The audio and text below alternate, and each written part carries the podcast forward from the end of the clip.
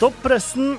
Manchester City tapte en fotballkamp, mens West Bromwich vant en fotballkamp. Eh, hva som er den største sensasjonen, det får vi komme tilbake til. Eh, Harry Kane han eh, skåret selvfølgelig, mens Sam Allardyce han skjelte ut egne spillere.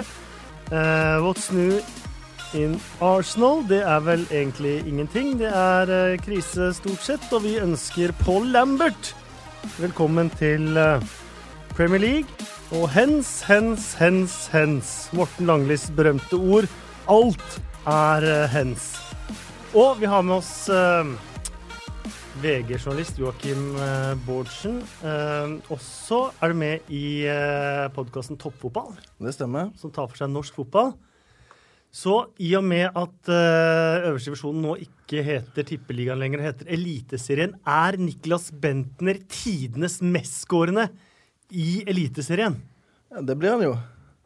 Må jo påstå det. Så Men det er deilig å kunne snakke litt eh, Premier League òg av og til. Det er jo den eh, sporten som gjerne nordmenn flest eh, holder nærest hjertet, faktisk. Det er faktisk en annen sport nordmenn holder veldig nært i hjertet, og det er eh, alpint og langrenn. Eh, rett ned fra, fra fjellommen i Sveits. Ja, det får vi si. Mare Skjelbæk. Rett ned fra Wengen her nå. Vi hadde en strålende helg med utfor og slalåm i eh, eventyrlandskapet i Alpene, så det var bra. Men nå har jeg, i likhet med Stig Helmer og Olav Ramsrud og gutta, parkert skia og stavene og er nå 100% innstilt på, på ball i mine neste arbeidsdager. Så deilig. Um, vi har én ting som aldri har hatt bedre timing, og som egentlig eh, oppsummerer helga perfekt. Sala du, du.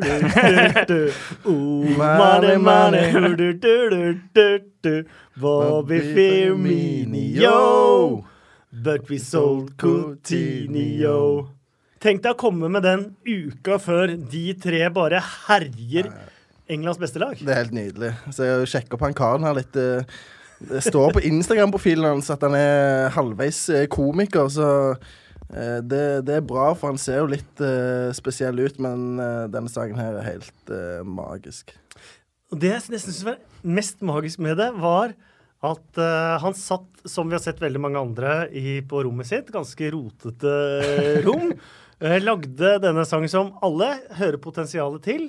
Og så det er lett å bare legge ut den videoen, og så se på den raringen her han har lagd en sang, eh, uten liksom å ta med seg hjertet i det. Og så gjør Soccer AM gjør det motsatte. De bare henter han inn i studio, får han til å lage fantastisk stemning. Eh, og har det gøy med og ikke av. Og det er jeg veldig glad i. Ja, Kjell Brekke, du har jo uh, hatt dine uh, sanginnslag sjøl tidligere. Ja, Uh, jeg er nok ikke så profetisk i måten å synge på. Jeg vil jo si at han her bør jo være et alternativ for et hvilket som helst bettingselskap, f.eks.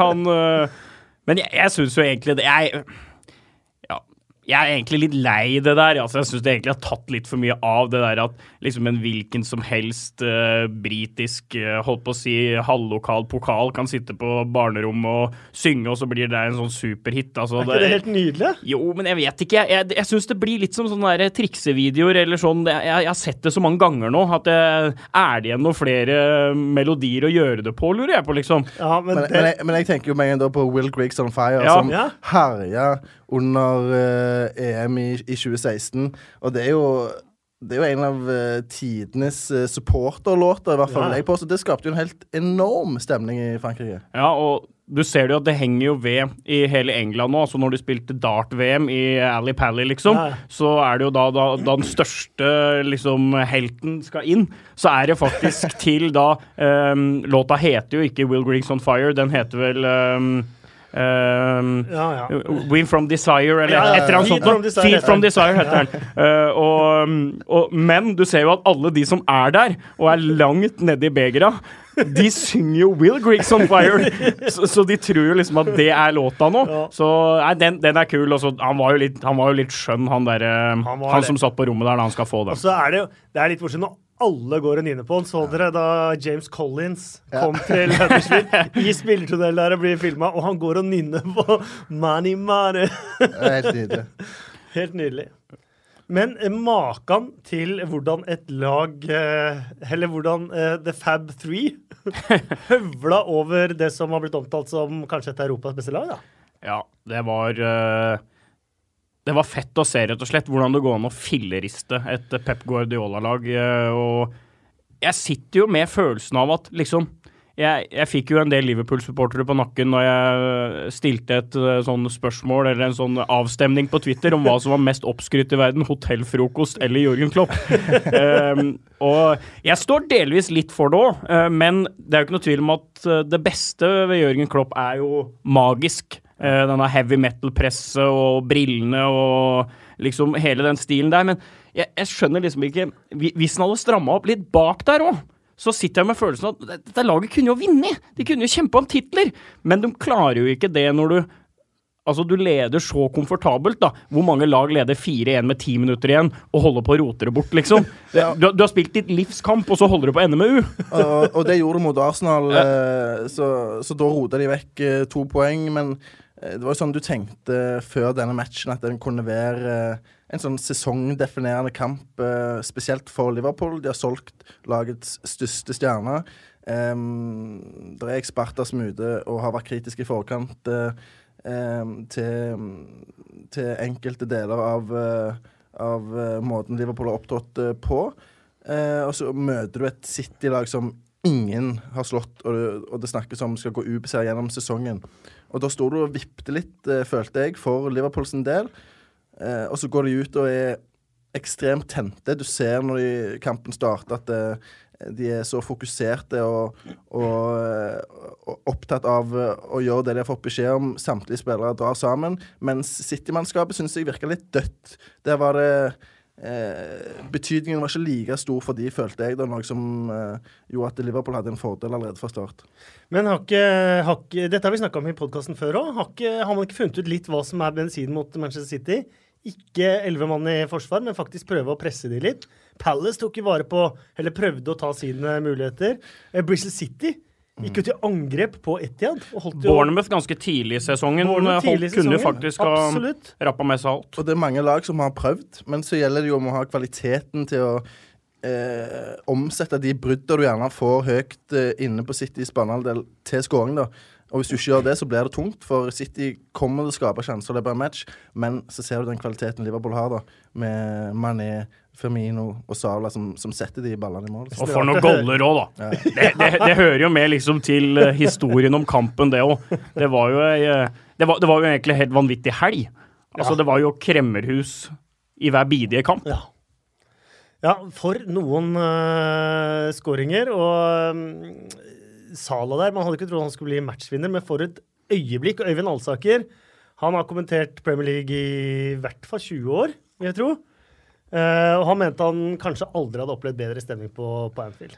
Nei, Det sa jo Alex Oxlade Chamberlain òg, at det, det, var Han kommer fra Emirates. Ja, ja altså det, det, veier gjerne ikke like tungt, men, uh, men allikevel han spilt noen store matcher, han òg, og, og, det er klart at uh, Eh, når Liverpool gjør det bra i sånne store anledninger som dette, der vi sitter i tidligere og gjerne spesielt i Champions League-matcher, så, så, er det jo enormt på Anfield. Jeg kommer jo da rett fra Wengen, som er uh, på en måte et av de mest sånne ikoniske uh, alpinstedene i løpet av en verdenscupsesong. Og det som er i Wengen, er at der er det ikke biltrafikk. sant? Det er som en sånn tårevåt drøm for venstresida av norsk politikk og Miljøpartiet De Bruyne og Det Grønne og hele pakka.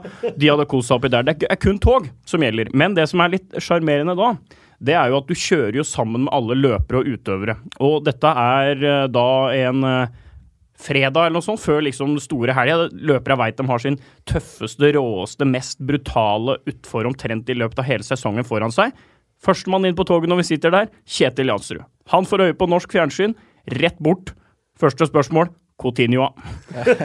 Så der satt vi 20 minutter og prata om Liverpool og transfer og salg, ikke salg osv. Og, så og jeg mistenker nesten da, dette var fredagen eller lørdagen, jeg mistenker at Kjetil Jansrud faktisk grua seg mer til kampen mot City enn til å kjøre 4300 meter og, 1600, og, og 160 km i timen på ski. Men har ikke han sagt det litt òg? At han kan sitte med sumo og se Liverpool-kamp Ja, ja. omtrent til han setter ut fra, fra, fra starthuset? Ja, han, han er så die hard, altså, Ja. at uh, Han er så opptatt av det. og han, han må vi få med her i podkasten en gang. Ja, fantastisk eh, hyggelig eh, fyr òg.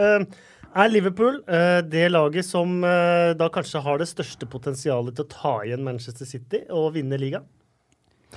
Jeg tror ingen har potensial til å gjøre det. Nei, ikke i denne sesongen, men neste sesong eller sesongen etter. Det spørs. Det er veldig mange gode lag i toppen der nå som har spennende ting på gang. Du har selvfølgelig Chelsea regjerende mester. Du har United med Mourinho, du har Pochettino i Tottenham. Så den konkurransen er ekstremt tøff. Eh, For Liverpool sin del så gjelder det jo, som Marius sier, stramme opp det defensive. Fortsette å og, og gjøre det. De har henta inn van Dijk, som vil bidra til det, men samtidig så har det jo vært en heftig diskusjon, eh, spesielt i sosiale medier gjerne, men òg blant eh, eksperter. Har Liverpool en god nok keeper? Der mener jeg svaret er nei. Eh, De har ikke to gode nok engang. Nei, nei, sant. Men vi vet ikke om kanskje tredje. Ja. Mignolet ble benka nå mot City. Karius kom inn. Gjør en tabbe. Det skuddet til, til Sané, det skal han ta. Han hadde, hadde vel null redning, hadde ikke det? Kan jeg, jeg kan i hvert fall ikke huske at han hadde noe redninger. Men det jo, det har vi også snakka om her før. Hva ville dere brukt Coutinho-penga på? Jeg har sagt et skikkelig rivjern, et anker, Mm. og en keeper. Ja, det støtter jeg, fordi nå har de jo brukt eh, mye penger på van Dijk eh, allerede. Eh, så spilte Emre Can, eller John, uh, hvis det er sånn det uttales. Uh, Ja, vi har diskutert det også her. ja, Jeg tror det er John. faktisk. Jeg tipper Norge er det eneste landet i verden med podkast som diskuterer sånt. ja, Det tror jeg driter i alle andre steder. Men uh, så brukte de han eh, sentralt nå mot City, mens eh, Henderson eh, er ute. Eh, og, og Henderson er heller ikke god nok eh, til å være kaptein og en bærebjelke i det Liverpool-laget. Eh, så, så spørs det om Shan eh, forlenger kontrakten, som går til sommeren. Eh, gjør han det, så kan de satse på han, tror jeg. Men en keeper, det må de ha. Keeper må de ha. Manchester City, ja. Har de sett litt døre ut de siste ukene? Sleit mot Burnley, sleit mot uh, Bristol City, 0-0 mot Palace. Uh, er de i ferd med å Vi ser jo, har sett ligamesteren de siste årene gjør det veldig bra fram til nyttår. Uh, mer kontrollerte ettmålsseire etter nyttår, som Chelsea forrige sesong.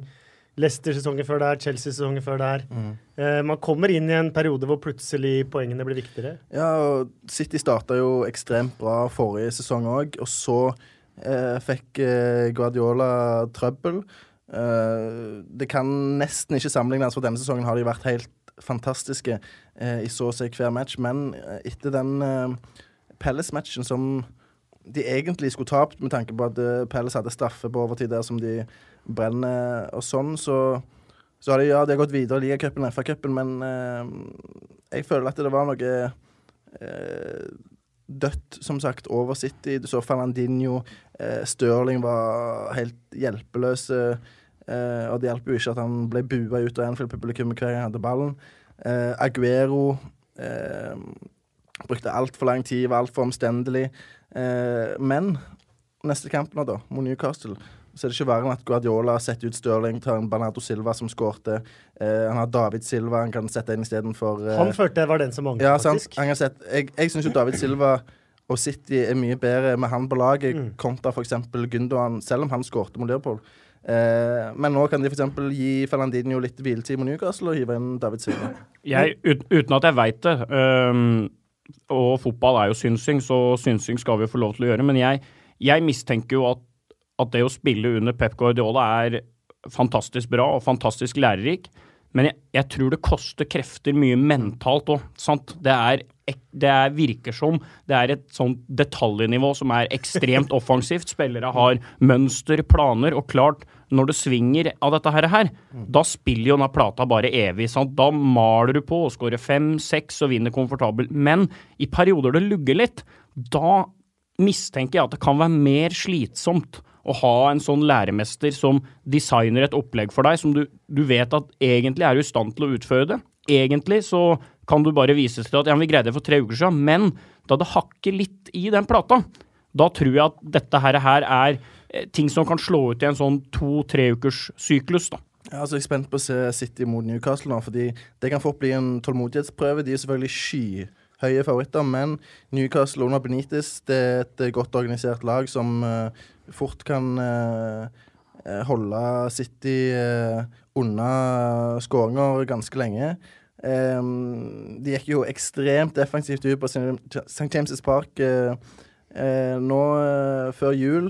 Men eh, så er det òg interessant å se eh, Guardiola, da, om han klarer på en måte bare restarte det City-mannskapet der. Han er jo en mann som er ekstremt opptatt av detaljer, som, som Skjelbæk sier. og Da kan det òg fort bli veldig negativt fokus. sant? Ja, det er det, jeg satt med litt eh, etter å ha sett den eh, kampen. At jeg har vært litt bekymra for den Champions League som Manchester City bare skal vinne. For det ser litt kanskje naivt ut til tider mot eh, motstandere som finner svakhetene dine.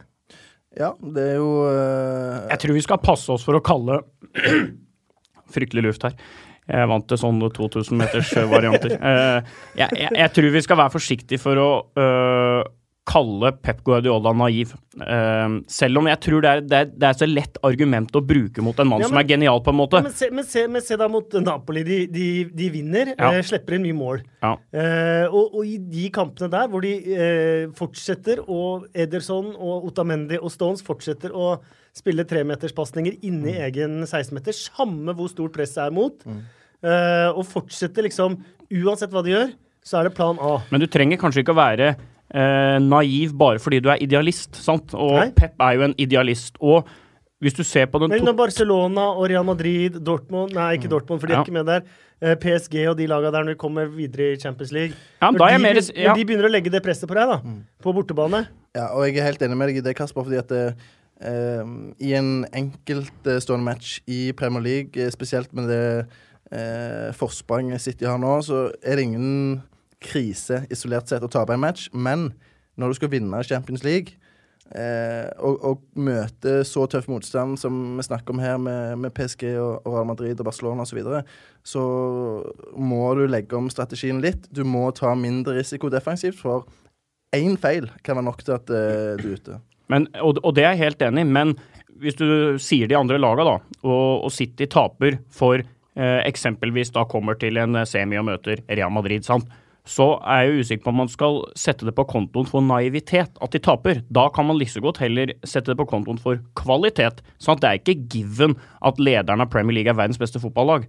Nei, på ingen måte. Nettopp. Så ja, hvis du ser antall kamper Pep Guardiola har trent i løpet av uh, sitt trenervirke og, og konkurrert i, så har han jo et helt latterlig seierssnitt òg, ikke sant? Definitivt. Men han smalt jo i et par semifinaler med Ja da, Bayern der. ja da, han gjorde det. Og da og- så det jo helt Da så det jo, da så det jo high flying ut helt til det punktet. Ja. Ble slakta av Real Madrid, eh, eh, blant andre, og, Og en mur, en mur som hoppa. ja, Det var en mur som hoppa. Men, vi, men eh, da, det, det er egentlig godt, eh, godt sånn eh, Hva heter det? Ku til neste match. Fordi at uh, Guardiola og uh, José Mourinho, trenere i samme by, uh, to vidt forskjellige tilnærminger. Eh, alle toppkampene i Premier League denne sesongen stort sett har vært skikkelig morsomme, bortsett fra de som har inneholdt Manchester United. Men Mourinho fikk med seg ett poeng fra Anfield. Det gjorde ikke Pep Guardiola på en 0-0-match, eh, hvor han bare låste matchen fra, Ja, i 90 minutter. Det var en litt sånn destruktiv eh, Julius Cæsar, føler jeg. Han kom, han eh, han kom, han tok av faen og gikk. Altså, han, denne kampen her skulle han ødelegge. Her var det liksom Her hadde Jeg, jeg tror ikke han visste at, uh, at eh, TV2 Sport Premium hadde bygd opp i ei uke, og at vi sendte værmeldinger fra Anfield Road, men, men det, var en sånn, det var nesten en sånn greie fra, fra Mourinho at liksom Ja, dere har spådd tidenes toppkamp. Nå skal, dere, nå skal dere få det. Nå skal jeg slue portugiseren, vise dere. Men allikevel, poeng. Ja da. ja, det er poeng, men samtidig så, så spørs det nesten for meg om United-fansen syns at det ene poenget er verdt den opplevelsen der eh, som eh, mange følte var pinlig. Eh, måten United framstår på når man inn i enkelte matcher, eh, er på en måte ikke United verdig, da. Med tanke på Så kan du Men hva er det lenger i internasjonal fotball og sånn markedet er blitt? Det, det, det er så mange år siden at det var Nei, men samtidig, du ser United eh, er fortsatt uh, en av verdens desidert største klubber. De har økonomiske muskler som få andre. Uh, de har uh, ikke minst et spillermateriell som er ekstremt bra, og så skal du da på en måte spille den type fotball som du får enkelte ganger med Mourinho. Det er jo et spørsmål som selvfølgelig ledelsen må stille seg, da. Ehm, så lenge det går bra, så lenge de vinner matcher, så, så er det umulig egentlig å, å angripe Mourinho. Men vi har jo sett mange ganger før at det er så fort resultatene begynner å gå imot, så, så blir, blir det òg brukt mot ham. Men eh, meget kontrollert 3-0-seier mot eh, Stoke, selv om noe vi hadde til at Stoke kanskje hadde fortjent en, eh, en scoring. Eh, med Paul Pogba eh, i, eh, med litt frie tøyler, så ser jo Manchester United både bra og ganske artig ut. Ja, han var uh, outstanding i går, rett og slett. Igjen, ja. Så det er et uh, Det er jo et helt annet fotballag når Paul Pogba er i form og, som du sier, har frie tøyler og uh, får lov å benytte seg av genialiteten sin. Da. Der syns jeg jo at offensivt United egentlig har funnet litt mer ut av det nå. Eh, Riktignok Rashford som innbytter i går, da, men eh, Martial syns jeg jo ser ut som den briljante fotballspilleren han egentlig er. Det har bare nesten vært litt sånn opplest og vedtatt at etter tidenes eh, debutkamper for et par-tre år siden, så var liksom ja, ja, da får vi benke han litt et par-tre år, og så får vi heller ta han opp av hatten igjen når han er blitt litt eldre. Det er, jeg, jeg mener jo at jeg mener at det ville vært en skam hvis det man ikke skulle ha satsa på en spiller som Martial, da. Eh, og det er jeg veldig glad for at Manchester United nå gjør, og det ville vært nitrist hvis man skulle sett at han, han ble solgt til PSG eller Bayern München eller et eller annet sånt. Da, da mener jeg Arsenal, som det var ja, sånn som det var spekulert i. Da, Ja. da mener jeg at man ville ha forvalta en diamant på et helt elendig vis, da. Og det er jeg glad for at, eh, at Manchester United og da Mourinho nå gjør. Og så skal man jo da nå hente inn nok en eh, grisedyr 30-åring, da, ikke sant? Og jeg sier ikke at det er noen menneskerett å spille offensivt mot Manchester United, men hvis du hadde gitt uh, mange fotballtrenere i verden uh, en mulighet og sagt du, nå skal du ta over et fotballag. Der får du kjøpe akkurat den spissen du vil to år på rad. Zlatan og Lukaku. Men i bakhånd der, skjønner du, så har du to lokale kjempetalenter som begge er i stand til å skåre pluss-minus 15 hvert år. Han ene heter Rashford, han andre heter Lingard. I tillegg, skjønner du, så kjøpte han derre gærne nederlenderen som var her litt før deg, han kjøpte en unggutt fra Monaco, en av verdens beste franske spisstalenter, for nesten 500 millioner. Han heter Martial. Vær så god. Og så kan du plukke inn Miktarian. liksom- Ikke sant? Mat, ja. Men, men, hvem, men hvem hadde sagt nei til det utgangspunktet? På et eller annet tidspunkt så må man jo, så må man jo prøve å finne ut av det der, da. Tenker jeg. Og selvfølgelig, det kan sikkert frigjøre litt energi å hente Sanchez og greier, men Ja, og, og dette har meg og deg diskutert litt, eh, Kasper, om eh, Mourinho evner å få det beste ut av spillerne han har. Eh, han sier før Everton-matchen at han ikke har noen eh, nummer ni når eh, Lukaku og, Zlatan er ute med, med skade. Og så eh, viser Martial seg fram i den matchen der med en nydelig skåring. Eh, eh, Mange mener Rashford er best i den posisjonen. Og, og det, det er jeg enig i. fordi hvis vi tenker tilbake til forrige sesong, så bar Rashford det United-laget på sine skuldre i mange måneder, egentlig. Det var han eh, Fram mot den Europa League-finalen så var Rashford stjerna på det laget. Eh, var et angrep alene til tider. Eh, og jeg syns det er litt rart at Mourinho glemmer det så fort. Eh, og så tenker jeg at det er et eh, litt dårlig signal da, å sende til disse unge gutta som eh, jobber steinhardt, eh, går jeg ut ifra for å utvikle seg hele tida. Og de får ikke spille hver match, men da trenger de samtidig eh, positive tilbakemeldinger. da. jeg syns han har utvikla seg mye òg, Rashford. For jeg syns når han slo gjennom, så, så slo han gjennom som en sånn der vanvittig kraftfull fotballspiller, men han så nesten mer ut som en sånn et sånt afrikansk talent. Et sånt der rått fysisk produkt som kom inn kjapp, sterk, 18 år, men sterkere enn de andre, liksom. Og selvfølgelig kom jo veldig godt i gang, da. Omtrent rett fra reservelaget, og så skåre to mot Arsenal. Men, men jeg syns Midtjylland? Hæ? Midtjylland, ja. Og så Arsenal! Men- Og så Arsenal. alle debutene sine. Ja, skåra U21-debuten Ja, ja. sin, skåra A-landslagsdebuten sin. Men, men, men eh, det jeg mener at jeg, jeg syns allikevel at han mangla litt av de der klassiske engelske fotballferdighetene. Den derre Robbie Fowler, Michael Owen, Wayne Rooney, Alan Shear, den derre naturlige, gode touchen og avslutningen. Det syns jeg faktisk han mangla litt. Men der har han jo tatt vanvittige steg. Han har blitt mye øh, kjøligere foran boksen. Han har vist seg som en mye mer sånn naturlig målskårer, syns jeg, da. Ja, Han har jo begynt å ta frispark og Ikke sant? har jo en enorm fot i tillegg. Tar dødballer og sånt. Så. Hadde han spilt øh, Nei, det var han Han tok en hjørne, Han tar hjørnespark. Ja, ja. Ja da, ta corner, Ja, han gjør det. Nå skal Inn og jeg skudde prøve Skyt sånn hjørnespark, og han. ja, altså, Nå skal jeg prøve å være litt sånn der Hodgson-morsom med Harry Kane, men det kommer ingen vei med. Nei. Og Tony Marshall, med, han har jo da den kanskje den kuleste sangen i sånn spillersangen i Premier League, og gjør at vi er inne på sanger. Tony Marshall scores again. 50 million down the drain. Men så har jo United-historien ofte vist, da, eh, kanskje litt med unntak av Zlatan og delvis Teddy Sheringham, at det å hente eller rappe eh, en, eh, en sånn eh, Top Gun, en sånn skikkelig litt sånn rutinert ringrev, at det kan frigjøre litt. Det viste seg jo i sin tid med Cantona. Det viste seg i uh, sin tid med ja, Henke Larsson, Berbatov. um, så jeg føler at jeg glemmer henne. Van Persie, selvfølgelig. Det ble ligagull, det.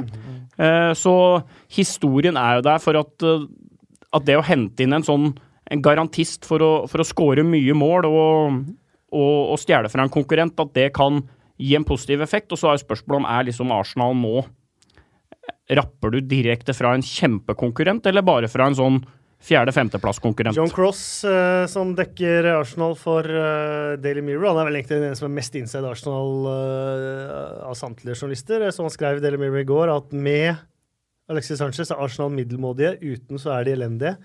Eh, men vi kommer tilbake til eh, Arsenal. For jeg har litt bitte litt lyst, helt kjapt. tror tror vi får se José Mourinho nå. Det er tolv poeng bak. Det er kanskje bitte lite hopp et eller annet sted. Når det håpet er definitivt ute, at han gjør sånn som forrige sesong med Europaligaen, at han går all in Champions League.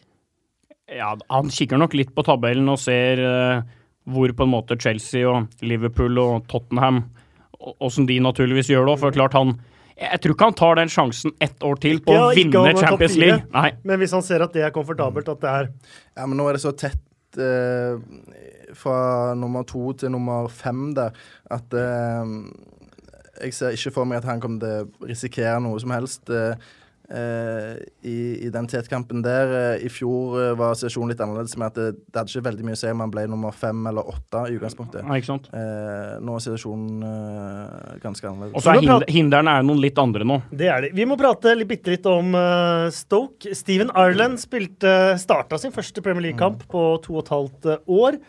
Eh, innenfor første 10-15 minuttene her så dro han en kjempeluke på Paul Pogba. Det syns jeg er helt rått. Han burde, eh, burde to skåringer òg eh, Ja, Ja, det gjorde det. Det er litt mer matchform. Der så hadde vi fått sett Supermann under buksene igjen. Um, Saido Beraino um, uh, jeg, Nå skal jeg ikke synge 'Hvilken dag er det i dag', selv om vi synger mye i dag. Eh, men dere fikk med dere, fikk med dere han, eller? Nå må du opplyse oss. Det skal jeg gjøre, fordi at eh, Kurt Zuma la ut på sin eh, Twitter, tror jeg det var, en video på søndag. eh, hvor Søyde Berøino står og hviler på parkeringsplassen utafor stadion til eh, Stoke i kamptreningsdressen. Why are you wearing the match training suit, man? Søyde Berøino var på vei til kamp han en dag for tidlig. Er det, den eh, Stoke-karrieren der har ikke gått helt på. Nei, det oppsummerer vel nesten Seido Beraino. Han har altså ikke skåret mål på to år! Ja, så har han fått muligheten til å ta straffa òg i mellomtida. Ja. Det er fryktelige greier. Eh, Men de har fått ny manager. På tribunen satt Paul Lambert. Veldig mange er utrolig skeptiske. Jeg er ikke blant dem. Nei, fordi du har sett han gjøre eh, mirakler med Norwich. Det har jeg. Og det, og det er ikke bare mirakler, men det er en av de kuleste ansettelsene noensinne. Norwich rykka ned fra Championship til League One. Eh, så er det mange som syns at Norwich er en liten klubb, og bla, bla, men det, den er ikke så liten som mange syns. Det er første gang de var på tredje nivå på 50 år. Eh, så det var jo tungt for klubben å, å ned der. Gamle keeperhelten Brian Gunn var manager. Møter Colchester, som er litt sånn lokalderby i ligaåpningen, på Carrow Road. Og Colchester vant 7-1 på Carrow Road. Det løp folk fra tribuna for å kaste sesongkortet sitt i trynet på Brian Gunn, og det var ikke måte på hvor forferdelig dette her var. Og det var det jo. Det var det største hjemmetapet tror jeg noensinne, kanskje. Eh, så hva gjør Norwich-ledelsen? De ansetter selvfølgelig Colchester manager. Han må jo være bra! Og det var Paul Lambert. Så fra å tape 1-7 mot eh, Paul Lamberts eh, Colchester i League One, så rykka de opp fra League One. De stoppa ikke championship engang, han rykka de videre opp til Premier League. Og så har han hatt litt sånn Uh, Aston Villa viste seg vel at han ikke gjorde en helt fryktelig jobb i Aston Villa med tanke på hva som skjedde etter at han dro. Stoke skrev vel det da de ansatte han også, at uh, his biggest achievements var å holde Aston Villa oppe. Jeg vet ikke om det var et lite stikk til Aston Villa. Også I Blackburn er det selvfølgelig umulig å være manager, og i Wolves skuffa han. Men han er jo en sånn som Han vant, er den første briten til å vinne Champions League. Ja, og det er, det er nesten det jeg forbinder mest med han. Ja. Det er en sånn der, utrolig sånn malplassert greie fra 96-97-sesongen. Altså, han var del av et Han og lag Steinar Pedersen. Ja, han var del av et lag eh, eh, med tyske legender. Ikke sant? Der satt Carl-Heinz Riedler, Stefan Klaas var vel Sa- keeper. Sammer. Mathias Sammer, ikke sant. Og i midten på det lagbildet så satt en litt sånn halvbleik skotte.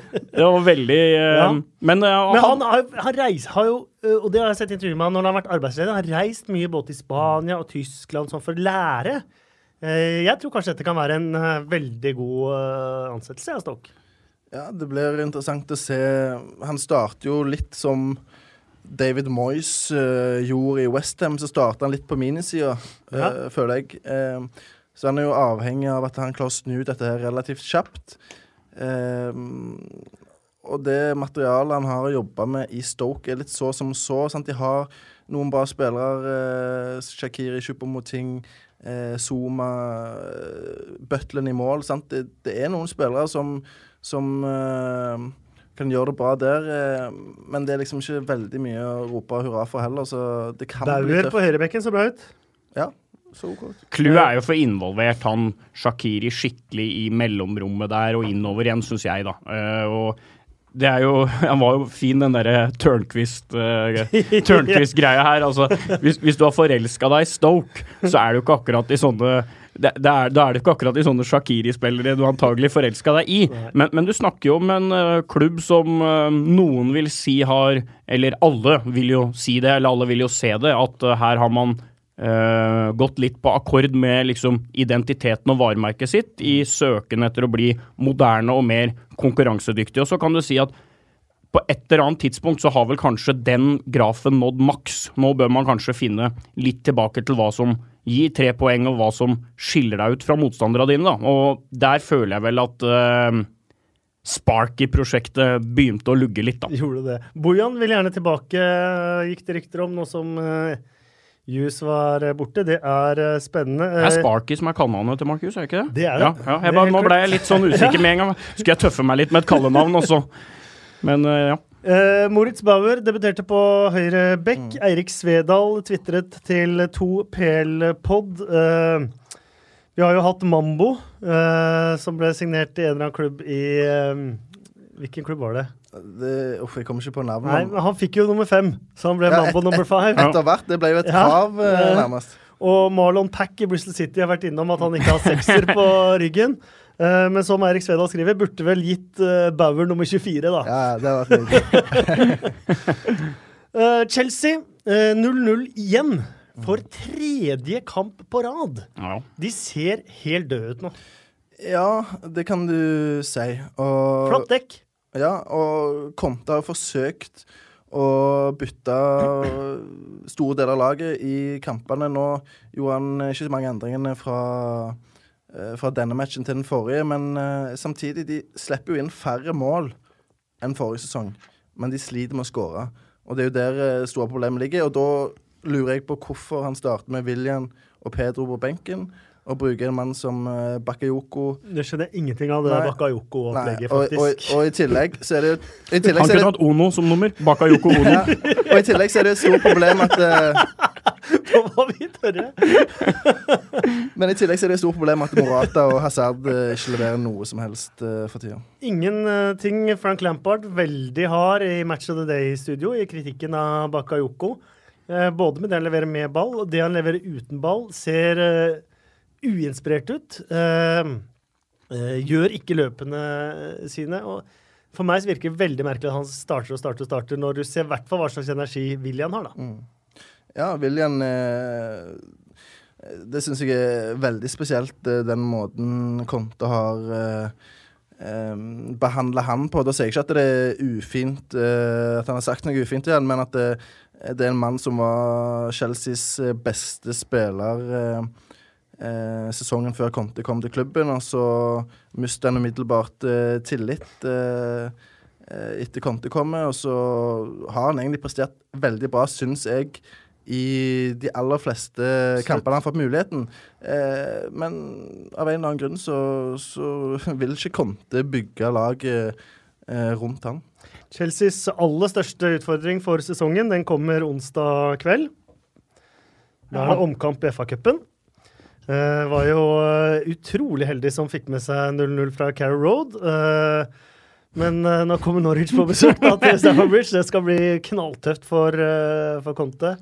Nå har Norwich faktisk ganske nylig vunnet på Stamford Bridge da Norwich vant FA Youth Cup for tre år siden. Jeg er vel den eneste som har brutt den rekka til Chelsea på FA Youth Cup. Bare vekk meg når du er ferdig med det her. Og et par av de spillerne som vant, da er med nå også. Um, Westham uh, Er dette her total redemption for David Moyes? Ja, det er i hvert fall ikke langt unna. Uh, om du på en måte kan få helt den der Shawshank redemption etter det du opplevde i Manchester United, det er jo vanskelig å si. Men uh, ja, det, er jo, det er jo vrient å ikke unne en mann som liksom ble kalt, kanskje sammen med Brennan Rogers, for det største managertalentet i, eh, på de britiske øyer, da, og liksom skulle ta over den umulige jobben The chosen one av liksom av Gud valgte sin egen etterfølger, liksom. Det,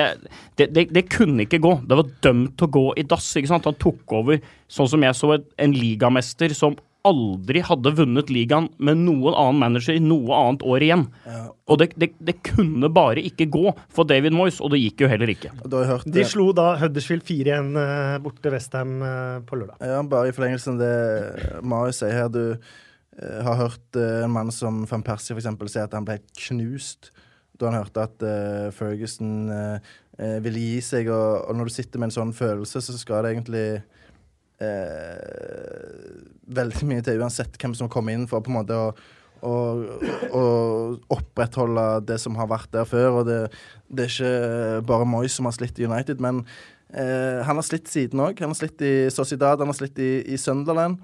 Um, og derfor var jeg veldig skeptisk, uh, som mange Westham-fans, uh, da han kom inn der. Men uh, nå gjør han det jo veldig, veldig bra. Eh, Marko Arnatovic, plutselig under David uh, Moyes. Han har seks mål denne sesongen, alle under Moyes. Uh, Westham oppe på ellevteplass på tabellen. Og det var ikke bare som målskårer han imponerte i helga. Altså det han gjør foran, uh, foran goalene til, til, vår venn Lanzini, mm. det var, det var sterkt, altså. Vinne ballen høyt der og så jeg, jeg syns han er Han synes jeg er en god fotballspiller. Han liker jeg litt. Ja. Du og Brede Hangeland ja. i Frankrike, ja. det var jo Ja, ja, ja. Nei, ikke Jeg tror dere er like forelska i Arnautovic begge to, for at han har litt det Zlatan-preget sitt. Ja, og så, sånn er det bare. Det er alltid likt de derre fæle, svære spisser med albuer og tjuvtriks, og, og, så har han jo en Så har han jo et, et sånt um, han er jo en veldig god kombinasjonsspiller, da, syns jeg. Altså sånn, Han er god til å han er god til å få ned ballen, holde motstandere i ryggen, sette opp lagkompiser og han har, vel ikke sett, han har vel ikke sett ut som en milliard i hele år, men under Moyes så ser han i hvert fall uh, praktfull ut. Uh, er Lanzini den perfekte Coutinho-erstatteren, egentlig? Jeg føler Lanzini er litt sånn fattigmanns-Coutinho. Ja, er ikke det perfekt når du møter et lag som ligger lavt, en som kanskje aksepterer å sitte en del på benken? I andre kamper. Det kan du si, det kan kanskje litt det kan du si, men hvis du skal forvente at uh, Lanzini skal gjøre det samme som Coutinho, bare sette han inn i den rollen og, og ha de samme forventningene, så tror jeg ikke at uh, uh, du vil få det. Men, men var ikke Coutinho en fattigmanns-Coutinho da han kom? For åtte millioner fra Nei, men Da var han et ubeskrevet blad. Han, han, men de som fulgte italiensk fotball tett av, mente at åtte millioner pund for uh, Coutinho var en kjempedeal for Inter. Ja, det kan du si, men da var han eh, Han var jo langt ifra det ferdige produktet som han er nå. Når han har gått til Barcelona. og Han, har jo, han forlater jo Liverpool med en helt annen rolle i lag enn det han ankom eh, med tanke på å ha. Sant? Så Lanzini kom inn der nå, så får han et helt annet ansvar hvis han skal erstatte Coutinho. Så det, den uh, parallellen syns jeg blir feil. Men uh, Lanzini er en mann jeg er svak for. Jeg syns han er en kjempespiller, ikke misforstå. Uh, og kan absolutt være en bra tilvekst for Liverpool, men Jeg tror du finner billigere spillere der ute på kontinentet som er bedre. Altså det å hente fra Serie A f.eks., som Liverpool gjorde i Coutinho. Men skal du hente en, eh, en av de beste spillerne til en annen Premier League-klubb, så vil jo summen bli deretter, ikke sant? Mm. Og hvis du må klaske 500 millioner i bordet for Lanzini, så syns jeg det høres helt psycho ut. Jo, men det, er, men det er jo sånn markedet er. Det er det. Så, så psycho er det markedet. Og det må du fort. Men samtidig um jeg starta kritisk her, men, uh, han, er han, ja, men han, er, han, er 24 år, og han er en fantastisk spiller. Um, så hvis Så spørsmålet er godt? Det er det du prøver ja, å si? Det syns jeg. Uh, det syns jeg. Men, uh, men jeg vet ikke om, om, om, Klopp ser på Lanzini som, som det naturlige valget. Nå har de Oxlade Chamberlain som Eh, ikke den type spiller, eh, men eh, som fort kan få en viktig rolle nå som Coutinho er borte. Dette er mer et problem, ikke problem, men det er mer vanlig i Eliteserien, som eh, du også følger tett, eh, Joakim, og du også egentlig, Marius. Men Westham kom til Huddersfield med bare seks innbyttere. Ja. Det er ikke vanlig. Nei. Det forteller om eh, store skadeproblemer. du har jo en mann som Andy Carroll, for eksempel, som er linka til mange andre klubber nå i januar, men som stort sett alltid skada. Du har eh, Saco, som har slitt med store skadeproblemer eh, lenge. Du har eh, Reed, som, eh, som, ikke spilte nå. Eh. Jeg syns Palace skal kjøpe Saco. De har vært linka. Da er det tre Sacoer. det må være en form for rekord. uh, men vi, vi, må slå sammen Moyes og Hodgson litt i samme pakke her nå. For nå har Hodgson også ett tap på 11 eller ett tap på 12. Uh, tok poeng mot Manchester City, kunne fort tatt uh, tre. Total redemption igjen. Etter EM-fiaskoen så viser han jo at han, han må vite hva han driver med. Og så, var han intervjua på matchet, det han òg. Og da var det uh, Hvor mye æren tar du? Nei, det var ikke så mye en manager kunne gjøre, annet enn å lede hestene til trauet, eller hva han sa. men hvis, hvis, spillerne var med på, med på det, så var det egentlig ganske lett. Og så er det jo litt sånn back to the roots for han òg, tenker jeg da. Altså, han øh, fikk jo denne muligheten i Liverpool, og så kanskje verdens mest umulige jobb å ta det engelske fotballandslaget. Nå er det back to London, ikke mm. sant? Han øh, får en øh, klubb og omgivelser som han kjenner, har levd med i sitt snart 112 år gamle liv. Og jeg tenker at det, det var jo en perfekt match for Palace som hadde um, rota seg gjennom altså det søken etter det geniale da, med det bor der, ikke sant? Og det, det, endte jo, det, endte jo, totalt på trynet. Men så kommer det inn en fyr som vet akkurat hvordan du skal ta poeng i den kampen, vinne den kampen. Og det har jo vist seg at de har gjort, hva du sa, én på elleve? Én på elleve eller én på tolv, ja. Ja, det det er helt sjukt for en som tapte. De tapte de sju første kampene mm. i år. Altså. Og du hører jo hvordan Brede Hangeland skryter av hele eller, skryter av Roy Hodgson hele tida. Hvor enkelt han gjorde det, og hvor klar over uh, de elleve som til enhver tid er på bana. Og i de ulike posisjonene, de vet hele tida hva de skal gjøre. Det er nærmest en sånn, der, det er nærmest en eh, sånn bibel, ikke sant. Så, så, du vet, hvis han løper dit, da skal jeg dit. Og går han to meter dit, skal jeg to meter dit. Og det tror jeg er liksom med på og, og gjøre det ufarlig, og i hvert fall forenkle det veldig når man er desperat og må ha ikke bare én seier på ram, du må kanskje ha to-tre ganske fort. Så er det veldig betryggende for spillerne å ha en manager som uh, uh, har så mye kunnskap. Uh, det samme gjelder jo Moyes. Han har 14 Premier League-sesonger bak seg.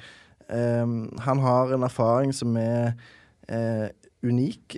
Um, jeg, eh, og han har jo fått med seg nå Billy McKinley, eh, som eh, Stuart Pearce ja, Stuart Pearce også, i, i teamet i, i Westham. Og, han er jo veldig vant til de løpebanene fra da han sto på Nadderud ja, så det bør jo ikke skremme han noe særlig. Nei, sant, det synes jeg, var, jeg synes det var veldig rart å se McKinley plutselig i Premier League. Jeg satt og prata lenge med han under et intervju da han var hovedtrener i Stabæk, og da kom han inn på Moyes. Han sa begge er jo fra Glasgow har hatt en tøff oppvekst der. Eh, han sa at eh, eh de forsto egentlig ikke hvor brutalt det miljøet var da de vokste opp. Han sa han eh, Det var egentlig en kamp bare å komme seg til skolen. Så tøft kunne det miljøet være, og du måtte sette deg i respekt. Og du måtte jobbe beinhardt. Og det har eh, Moyes gjort hele karrieren. Eh, McKinley beskrev han som en mann med en eksepsjonell kunnskap om fotball. Så er gjerne McKinley litt inhabil som kompis og, og tidligere assistent i Sociedad og sånn. Eh, men det forteller iallfall meg eh, eh, om en mann som ikke er mett, i motsetning til en karakter eh, som jeg gjerne kommer inn på senere i, i Everton, eh, som jeg opplever som en totalt annen type. Eh, Moyes vil det beste for spillerne sine. Han forsøker å beskytte de, og det tror jeg gir han respekt i spillergruppa. Og så skal du få en fun fact eh, som jeg vet du liker, Marius. Ja. David Moyes og David Beckham har faktisk spilt på samme lag sammen. Det må Kan det da være Preston? Det er det. Ja. Ja, da. I et par av de syv kampene Ja, ja, ja. David Beckham fikk for Preston, spilte Ja. David Moyes på laget, faktisk. Det er kult. Det er ganske kult. Uh, West Bromwich de hadde altså gått De vant de to første kampene i sesongen. Gikk 21 kamper uten å vinne. Så vant de cupen, og så vant de jammen meg igjen i helga. På Pulis-maner. På ordentlig Pulis-maner med to dødballskåringer. Johnny Evans og Craig Dawson der som stanger inn uh, hver sitt mål, og Evans med kapteinsbindet der og, de våkner, de spillerne som linkes til andre Ja, sant. i, Ja, akkurat det. i januar. Da er de Enorm glede der, men uh, det kan jo være siste matchen han spiller. Sant? Um, kampen da selvfølgelig eh, Det vi prater mest om, er jo Jay Rodriguez og Gatan Bong. Um, Brightons uh, svarte bekk. Uh, hvor Jay Rodriguez holder seg for nesa og vifter foran ansiktet. Det ser man jo åpenbart at han gjør. Det ble oppfattet rasistisk. Eh, det kan det godt også ha vært. FA undersøker. Eh, Chris Huton, selvfølgelig, som har vært en, både en pioner eh, og, og veldig, veldig opptatt av, dette spørsmålet. Det så ikke bra ut. Nei, og det skal ikke jeg påstå om uh, Rodriguez har gjort noe rasistisk eller ikke, men eh, vi hadde jo et tilfelle i oppgjør mellom Liverpool og Everton òg, med mm. Mason Holgate som hevder at uh, Firmino uh, kom med rasistiske eh, bemerkninger mot han, og eh, så er det jo nærmest eh, eller Det er spesielt at dette her skjer nå, samtidig som eh, en av de største pionerene Mm. med tanke I West Bromwich. ja, i West Bromwich uh, døde nettopp i en alder av 59 år. Mm, eh, dagen etter. så mm, Og når du leser og hører om den rasismen som var på 70-tallet, da Cyril Regis uh, herja for West Bromwich, så, så får du jo vondt langt inni sjela at eh, de kasta bananer ut på tribunen. Eh, publikum bua hver gang en mørkhuda spiller eh, hadde ballen.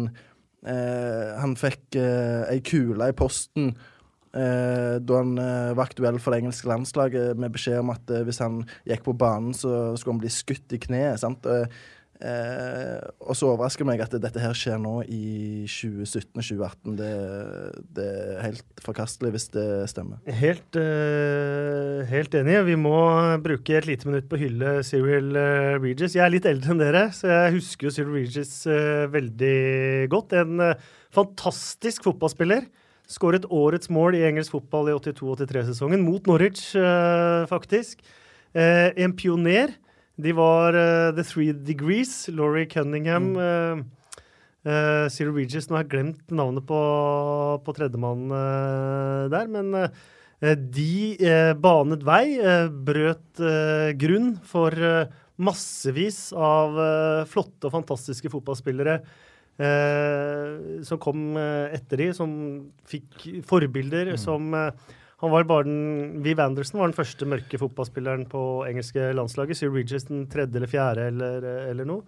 Uh, og har eh, stått både på prinsipper og på uh, og tålt ekstremt mye. Jeg har lest mm. biografien til Paul Cannaville, som var den første fargede spilleren til, uh, til Chelsea. Han skriver i biografien sin at når han varmet opp til guttedrømmen, debut på Chelsea, ut for å varme opp for å få debuten sin, og så hørte han plutselig Han fikk bananer etter seg, han hørte synging etter seg. eh, rasistisk synging etter seg, og så oppdager han at han hans egne supportere som eh, synger til ham. Og tenk hvor ufattelig vondt det må være for en 18-19-åring. Jeg tror ikke vi kan sette oss inn i det. Nei, og det, det er jo eh, Samme med mobbing eh, i, i skolen, på en måte. Det er ord eh, som gjerne avsender eh, eh, ikke har tenkt så mye over hvorfor uh, den personen sier det. sant? Det er sånn gjengmentalitet. Uh, men det er jo liksom Det er så ekstremt håpløst, da. Uh, og eh, jeg håper og tror at vi i Norge er kommet langt i arbeidet mot rasisme. De har jobba lenge mot dette i England òg men de har nylig hatt en, en stor sak med tanke på landslagstreneren for kvinner eh, som måtte gå. Eh, så det, det Og samfunnet i England for øvrig har Ja. jo beveget seg, vil jeg si, noen hakk tilbake nå. Så Ja, samtidig... det er jo et samfunnsproblem, det er jo ikke bare et fotballproblem. Samtidig så tar du deg en tur til London, så tror jeg ikke det er mange andre byer i verden du finner så mange ulike Nei, hvor det fungerer så bra. Ja, ja, ja, sant. Og, og, og da er det rart at dette her skal, skal komme opp nå, og du må bare slå knallhardt ned på det. Cyril Regis ble 59 år, eh, og det var eh, Det var trist at han eh, gikk eh, bort, men en eh, stor inspirasjon for en hel generasjon og generasjoner som eh, kommer. Vi må over til noe eh, litt eh, hyggeligere. Eh, Tottenham. Eh, De var det hyggelig å se på, og det målet til Christian eh, Eriksen der.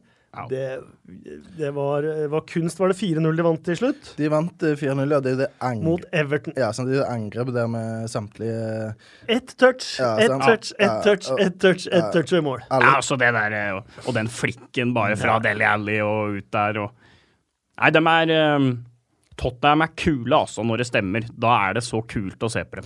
Det er bunnsolid, og det er sånn Jeg satt og tenkte på i går eh, faktisk eh, Jeg måtte se den kampen i opptak, tenkte jeg, før jeg eh, kom her. Og, og hvorfor har ikke Tottenham heng på, Ja, det kan man lure på. på, på City? Hvorfor eh, er de ikke enda nærmere United? Eh, det er rart, fordi jeg ser ikke noen klare mangler i det laget. der. Jeg er helt enig. De er godt besatt. De er en av de beste keepere. De har kanonstoppere. Midtbana eh, tidvis enorm. De har den beste spissen i ligaen. Eh, og de har eh, Kall det to sånne litt sånne uforutsigbare uh, Uforutsigbare spillere rundt Kane i Deli Alli og sånn. Og, nei, jeg er helt enig. Det, det, er, det er for meg det, det klart nest beste laget i Premier League, egentlig. Ja, det er der jeg jo føler at mest er på skinner. sant? Ja, enig. Og. Hvor kul er ikke Og de har en manager som har vært der lenge Ja, ja. nok. Det er ikke noe rør med han. Hvor kul er ikke sånn, da?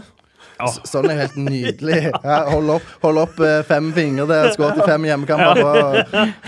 Det er helt fantastisk. Ja, Og nå begynner han å få litt, uh, litt aksent på engelsken sin òg. Ja. Det er kult å høre kult å høre. Ja.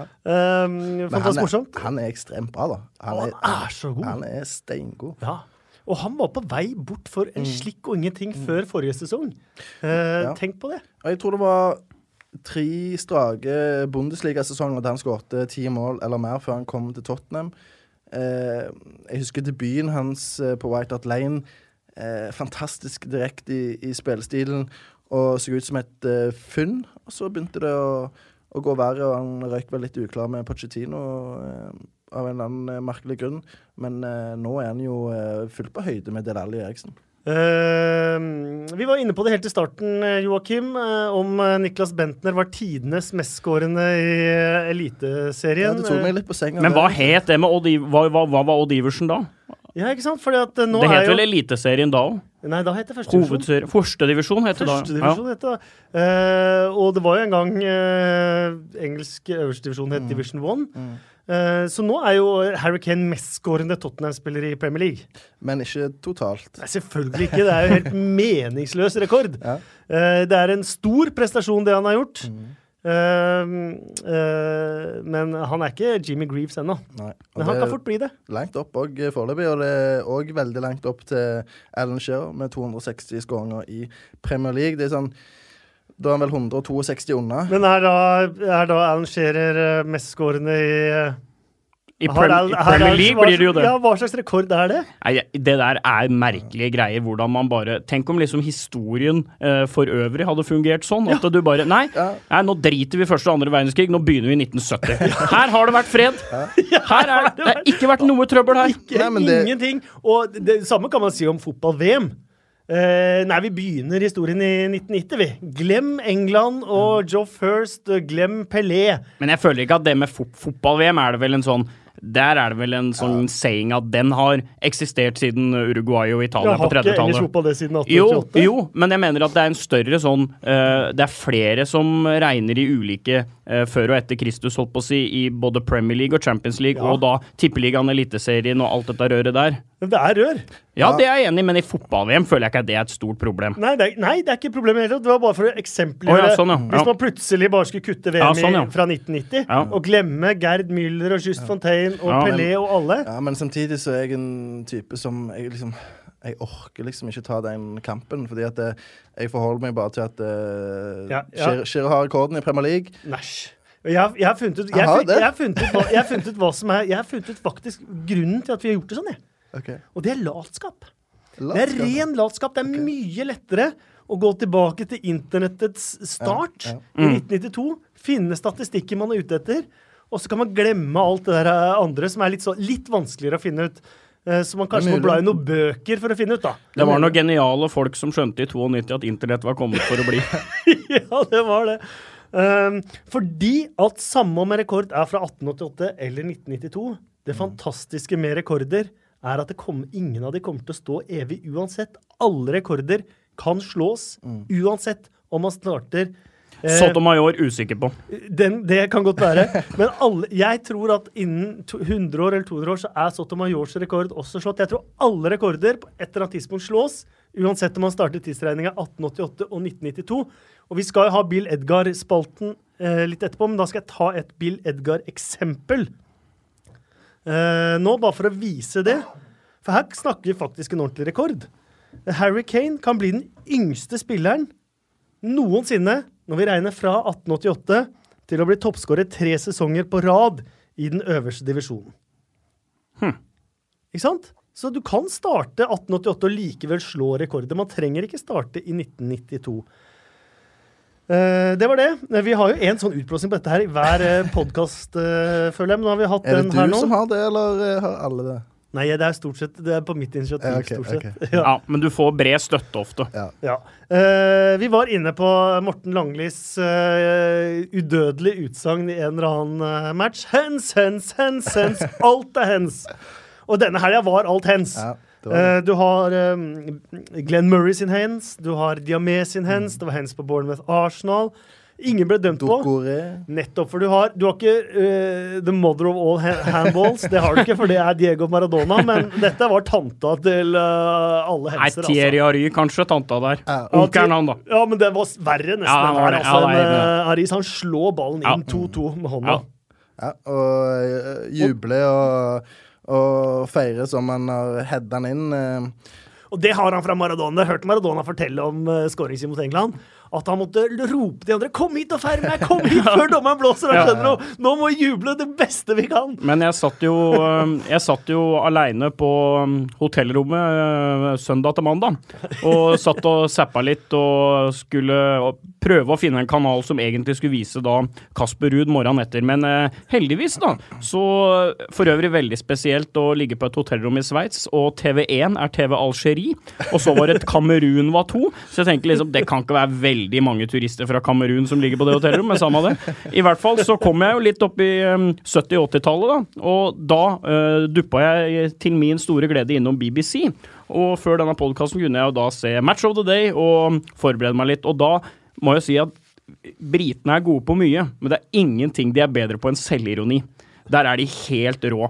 Og eh, det å forme fotballen, utforme og forandre fotballen, det har jo kanskje vært engelskmennenes eh, aller største skrekk. Og bare som en sånn avslutningsvideo på Match of the Day, så hadde da den derre turn Ikke sant? Veldig britisk. Veldig deilig at du følger opp. Ja, var det, det, jeg tenkte det var lov nå, da, vet du. Og vi har vært innom Yoko Ono også, og det var en liten parallell.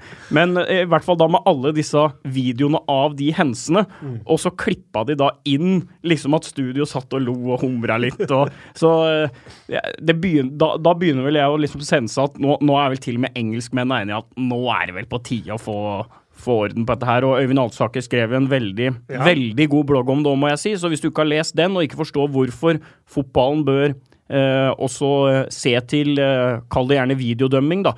Uh, som uh, har vel en slags forkortelse som jeg glemte nå. VAR. VAR, ja. Det er bedre føre Video VAR. Assistant Referee, eller Very Angry at Refs. Men i hvert fall, hvis, uh, hvis man lurer på hvorfor dette bør inn, så vil jeg anbefale å lese den bloggen. Absolutt, og vi diskuterte det i forrige podkast også, så for å ikke ta hele den diskusjonen på nytt, så bare anbefaler jeg Last ned forrige ukes podkast hvor vi diskuterer VAR, men det er vel ingen tvil om at eh, resultatene i helgen kanskje hadde blitt litt annerledes med VAR-dømming. Men det var det lille vi var inne på forrige gang, at dommere slutter å dømme innenfor feltet når de får videodømming, og det tror jeg er en stor, stor, stor, stor svakhet på sikt. Og Martin Atkinson, som hadde VAR, eller videodømming, i midtuka i ligacupen, det var også han som da ikke dømte på Murray sin hands eh, nå i helga. Så kanskje han allerede har kjent på teknologiens eh, dørgende passivitet over sin egen eh, dømming. Vi har eh, noen faste spalter, selvfølgelig. Vi skal dele ut blomster, og vi skal ha Twitter-hjørne. Vi skal ha fem kjappe spørsmål, og vi skal selvfølgelig ha Bill Edgars fun facts. Jeg har bare lyst til å ta med litt andre ting. Bersant Selina. En ny vanvittig scoring for eh, Ipswich. Matchvinner mot Leeds. Eh, håper eh, Så han sa etterpå at han håpa at Pep uh, titta på høydepunkt fra championship og fikk med seg scoringa. Men han er virkelig i ferd med å bli en Ja, virk, virkelig kanskje den største helten i Ipswich. Og det er jo fryktelig gøy og fryktelig kjedelig at han valgte Kosovo, da. Mm. Det er jo ikke så veldig overraskende, egentlig, fordi han har jo mentaliteten som skal til for å lykkes. eh, ekstrem tro på seg sjøl.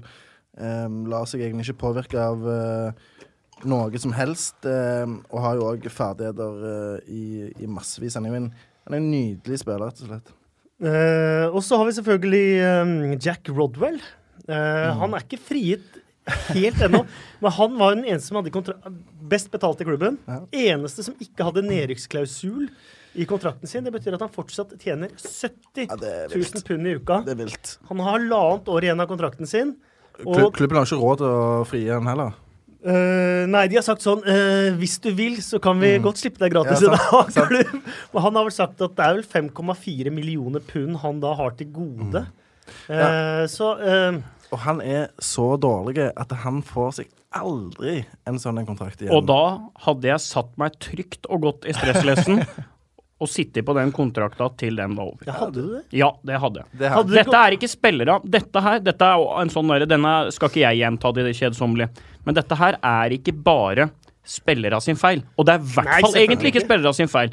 Dette her er et spill med klubber og agenter og det ene med det andre. Og klubbene Klubbene har ikke noe de skulle sagt. Når de mener at spillere ikke er gode nok, og kontrakta begynner å gå ut, og tenker nei, du er ikke så god som var for det. Nei, vi setter deg enten ned i lønn, eller så gir vi deg videre. Sånn fungerer du ikke andre steder i arbeidslivet. Da har du et ansiennitetsprinsipp osv. Og, så og det er klart at de spillere her, de, de tar det de får. Og det syns jeg, de- jeg de skal gjøre. Da kan heller syns du han kunne vært litt sånn OK, jeg kan ta én million pund, det er ti millioner spenn. Jeg har Ja, tjent det- 700 000 eh, Ja, i uka nå i noen år. Jeg har så jeg klarer meg resten av livet. Selvfølgelig, og jeg er helt enig i det. Og klubben betyr mye for 100 000 mennesker. Men jeg syns man skal være for Ja, det kan du si. Men da må jo, da må jo klubben gjøre noe annet for de, da. Det, jeg syns ikke det er en sammenheng mellom dette der. Nei, men går det ikke an å finne en eh, Jo, men jeg syns i hvert fall ikke at spillere skal kalles eller stemples som griske fordi at de sitter på rettighetene sine, som de tross alt gjennom en agent osv. har blitt enig med den klubben om, Ja, det er helt, helt synes jeg. Jeg er helt enig. Og eh, det er jo Sunderland-ledelsen her som heller må gå, Ja. med tanke på at de ikke har fått inn en nedrykksklausul i den kontrakten. Det er jo Det. Men åssen i all verden kunne du rykke ned med en spiller som Jack Rodwell? Sant, de trodde jo de satt på De trodde de satt på Messi her, ikke sant? Han var Englands landslagsfremtid. Han. Det, det var jo Manchester City betalte veldig Å, gode penger for, eh, for han. Men Tenk Jack. Rodwell er jo nå persona non grata i Sunderland. Han ble bua den ene kampen han starta denne sesongen. Kjøpe seg et feriehus nede i Karibien og Og så ville vi jo ikke gjort jobben vår hvis vi ikke prata litt om Alexis Sanchez her nå. da. Ja, Det er spennende. Det kan jo være eh, at han er klar for en ny klubb allerede i denne, i det denne podkasten er Definitivt. ute. Og da ser det ut som Manchester United plutselig. ja, og, City har trukket seg ut. ja, og det forstår jeg hvis de hadde en, en avtale eh, klar med Sanchez eh, som de nærmest hadde tatt hverandre i hånda på, og så plutselig så kommer Sanchez og sier at eh, du, Pep eh, eh, Mourinho gir meg 350 400 000 pund i, i uka, og, og agenten min litt mer penger. Eh, eh, gidder dere òg komme med et nytt eh, tilbud? Så skjønner jeg at eh, Pep eh, tenker OK, da får du bare gå. Da gir jeg blanke deg. Men det mange ser jeg er bekymra for når det kommer til Alexis Sanchez, er alder og antall kamper. Det sies jo det at de som kommer seint i gang, de holder karriera lenger opp i 30-åra. Mm. Eh, Rooney for eksempel, var ikke unaturlig at han fikk en dipp i en yngre alder enn mange andre, i og med at han spilt 40 kamper i året fra han var 16. Ja, Eh, Alexis Sanchez har spilt enormt antall kamper i forhold til Ja. det, hvor gammel han er. Ja, jeg så, jeg så denne lista um, på, på Twitter. Samtidig så det ble stilt spørsmål ved om, om antallet der var korrekt eller ikke. Um, eh, Så jeg er litt usikker på hvor mange kamper mer han har spilt. Sikkert en del. Men han er 29 år. Ja, han har ikke vært eh, på sitt beste denne sesongen her. Men eh, hvis du signerer han nå, så vet du at du får gjerne tre sesonger av han på det øverste nivået. Eh, og om han slukner da som eh, 32-åring, så, så er det på en måte ikke mer å forvente. Så jeg tror du får det du betaler for her. Og så er det jo spørsmålet liksom eh, Jeg syns ikke Det kan ikke sammenlignes helt med en type à la Michael Owen, Wayne Rooney heller, fordi at han slo jo ikke gjennom Han, han, han spilte jo ikke eh, VM da han var 17, Nei, sant? og heller ikke Premier League. Sant? Jeg, jeg, jeg skal jo ikke påberope meg at jeg har sett for mange River Plate-kamper for 10-12 år siden, men jeg vil, jeg vil jo ja da, ja da jeg, vet, jeg vet det. Men intensiteten nede i Argentina der kontra det å spille spiss og bli takla i hjel i Everton på rundt 2003-2004, jeg tror ikke det er det samme, altså. Jeg, jeg så faktisk ikke det argumentet komme engang før jeg eh, leste på Twitter eh, i går, så jeg ville ikke lagt for stor vekt på det. Sanchez er en helt ekstremt god spiller, som kan bety utrolig mye for United, med tanke på at han har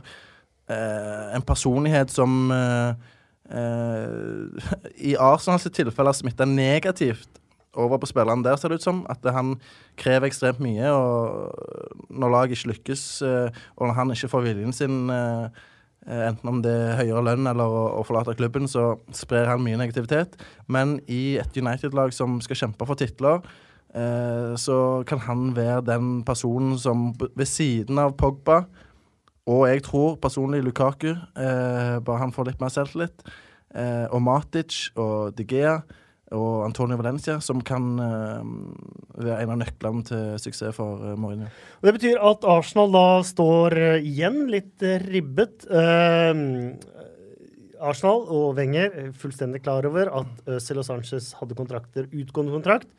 Eh, taktikken var åpenbart at de to allikevel kunne Det var mer verdt at de skulle skyte dem til Champions League, eller kanskje være med helt i toppen, enn å cashe inn i fjor eh, sommer, og så heller at de fikk forlatt det gratis etter at man hadde hatt suksess.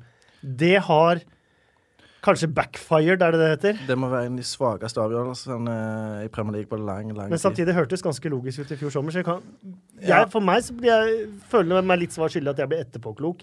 Så jeg skal kritisere det altfor mye. Ja, nei, jeg syns det der så ut som det begynte å gå på tverke på den tida her i fjor. Og, og jeg føler at det der, den FA Cup-seieren der, det, det burde egentlig ha vært et verdig punktum for, for mange aktører, og kanskje for den uh, o store managerguden også. Eh, dette her begynner bare å bli det, Dette ser så Det ser så dødt og så ferdig ut at uh, Nei, det, jeg syns egentlig bare det er trist for en mann som har vært en av uh, en av, eller kanskje den viktigste fyren for at Premier League er det det er i dag, Definitivt. så, så syns jeg egentlig det bare er uh, for jævlig å se. Og det, um, og det gjelder for så vidt han Sanchez med leppa si og Instagram og alt dette der. Det er, det er ikke Wenger eller Arsenal verdig i det hele tatt at, at dette her skal på en måte bli salmen ved reisens slutt for, for Wenger, da. Men det er det som jeg eh, føler har vært Wengers store problem, at han har ikke klart å ta de rette, tøffe beslutningene nå i lang, lang tid.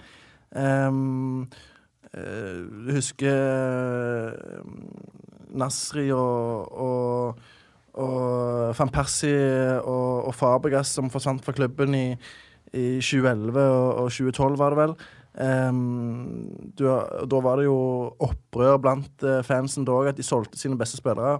Samtidig så var ikke økonomien den beste etter de hadde flytta fra Highbury Demrates osv. Nå kom det jo nylig ut en oversikt som viste at Arsenal er en av de rikeste klubbene i verden. Ja. Har masse penger.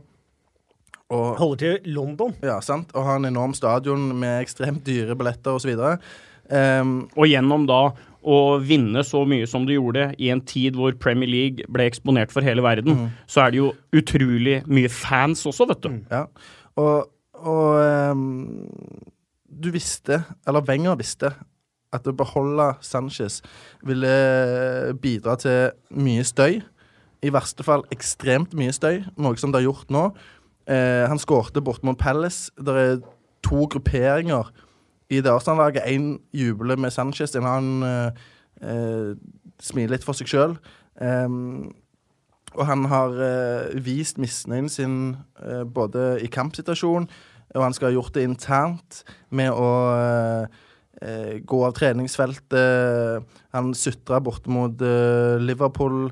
Eh, det har vært så mye med han, da, og som eh, Men de vinner ikke kamper uten han, da. Nei, så, så sånn sett skal du forstå det. Men det jeg ikke forstår Hvorfor selger ikke bare Arsenal eh, både Sanchez og Øzil forrige sommer og, og forsterker laget eh, tidlig? De prøvde seg på LeMar helt mot slutten av overgangsvinduet, men hvorfor er de ikke tidlig ute? OK, de bestemmer seg i januar i fjor. OK, Sanchez og Øzil vil ikke skrive ny kontrakt. Vi selger de. Vi begynner allerede nå å se på hvem vi skal få inn i juni. Men de, de er for sent ute. I, i, er sånn følgefeil her hele tida. Og hva skal eh, vedkommende som tar over etter Wenger, gjøre? Eh, hva sitter de igjen med uten Øzil og Sanchez? De har Lacassette, som ikke har sett ut som en million eh, dollar. Hva kom jeg på igjen?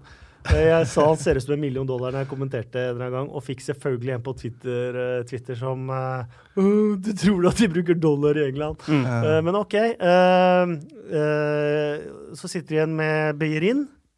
Uh, Ja, så det spiller man Wilshere er også Det, det er et veldig hva- ufullstendig lag, de, må ha, de må ha åtte nye spillere Ja. inn på førstelaget for å være med og kjempe. Ja. Men det som er interessant her, da, det er at eh, nå i løpet av det siste halvåret, er det vel nesten, eh, så har de gjort endringer i ledelsen. De har begynt å, å strukturere seg for eh, livet etter Arsène Wenger. De henta en tidligere Barcelona-direktør. De henta en eh, en sjef eh, for overganger fra Dortmund. De henta en eh, tidligere forhandler for eh, sykkellaget Team Sky. Em, så det virker jo som at de ikke lenger skal ha en uh, managerstyrt klubb, som eh, eh, i veldig mange tilfeller er et stort problem, fordi når manageren eh, forlater, eh, så kommer det nye inn, og så får han eh, et helt lag med spillere som han gjerne ikke ønsker, som ikke passer inn i klubben sin filosofi. Nå har ikke Arsenal hatt det problemet, da, i og med at Wenger har sittet der siden 1996. Men eh, jeg tror eh, at det er grunn til til å gi håp til Arsenal-fansen, at eh, den lederorganiseringen der eh, kan eh, bære frukt. Men ser, jeg du, vet, jeg vet ikke, altså. men ser du spillematerialet, så er det dårligere utgangspunkt for arvtakeren etter Wenger enn det Wenger hadde da han kom. Ja. Det Ja, da, var- der var det jo mer et uh, Du kan jo si det at det Wenger uh, Nå er jo tider er jo umulig å sammenligne med alle de pengene som er kommet inn osv., men det som var Wengers utfordring, det var jo at Arsenal var jo ironisk nok den mest britiske av alle klubber. Ja. Det hadde ikke vært én utenlandsk manager der, det var knapt utenlandske spillere. Og Wenger kom jo til et sånt derre good old Arsenal, egentlig, som var styrt av eh, pub og fish and chips, og det var en, en, en ukultur som råda eh, og herja i Arsenal, egentlig. Og han gikk jo inn da og tok tak i eh, på en måte de endringene som han følte han måtte gjøre. Han henta inn spillere som folk Folk skjønte jo ikke hva som kom oppå der. Kom en franskmann med tre meter langt hår, ikke sant? Og, og Wenger, Wenger var veldig kontroversiell og fikk jo egentlig bare, i løpet av to år, orden uh, på denne skuta her, og da måtte alle klubber se til Arsenal. Så kanskje det må komme inn en lignende, pio en lignende pioner, da. En lignende like sterk i troen på sitt prosjekt. Men klart, det er mye vanskeligere når vi vet hvilke penger som rår i hele eh, Premier League, og at alle klubbene er så rike at fallet for Arsenal nå, det kan jo fort bli drastisk. Vi får håpe at eh, de eh, får napp på Abong med Yang. Kanskje de får Mektarian. Ja, men, men, men, det det var med, med Wenger der, var jo han kutta sjokoladen på vei til kamp. Så han fortalte at til første bortekamp så satt hele laget i bussen og sang 'We want our Mars bars back'. Vi må gå videre til uh, blomster og kaktuser og diverse. Det var moro å se på. Morata var kjempegod. Hva i all verden? Han snakka ikke om seg sjæl, han snakka om dommeren. Rundens eller ukens blomsterbukett. Ja Blomsterbukett, ja. Jeg Mulig å gi den til en mann som jeg personlig ikke er veldig stor fan av, men Adam Pardew har jo hatt en uh, veldig stor opptur her, da. Ja. Med første seieren på lenge. Jeg er litt lyst til å gi til Stoke-fansen, jeg. De sang altså 90 minutter på innpust og utpust på Old Trafford, og i tillegg så ga de liksom, selv om de er skeptiske, Paul Lambert den perfekte velkomst, da. Mm. Med å synge navnet hans og om igjen og om igjen. Ja, så har du selvfølgelig Du har uh, fantastiske prestasjoner i Liverpool, uh, i, i Westham, så mm -hmm. det har vært det. Og det var mange nydelige skåringer. Ja. Jeg tror jeg må gi, jeg jeg må gi uh, blomsten min til Valencia, altså, som plutselig hadde venstrebein der. Han så ut som en sånn der blanding av uh, Robben, Ronaldo og Nani når han dro seg inn og bare lima han i lengse. Jeg visste ikke at han hadde den foten engang. På venstre, nei. nei. Trebeinet. Det var fantastisk. Da gir vi den til Valencia. Får jeg Får jeg rett på den, ja? Det skal du få. Ja. Uh, rundens litt sånn ukjente helt. Ja. Skal vi snakke litt uh, kanskje Craig Dawson, eller? Ja, han har jo vært bra over tid. Uh, han skåra over ti ligamål en sesong. Han, er, uh, han ble toppskårer for engelske U21-landslaget en sesong også. Jeg har vel nesten Hainok Tran og Tommy Svindal Larsen blitt i Norge en gang i tida òg. Hvis ikke dere har bedre? Nei, Nei det er greit for meg, det.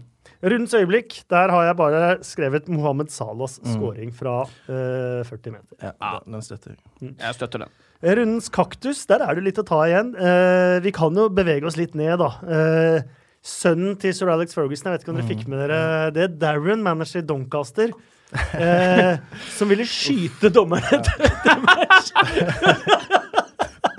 Det er det noe ærlig over. Ja, ja, da er det, da er det frustrert. Skyt den! Skyt den. Ja. Uh, Twitter-hjørnet.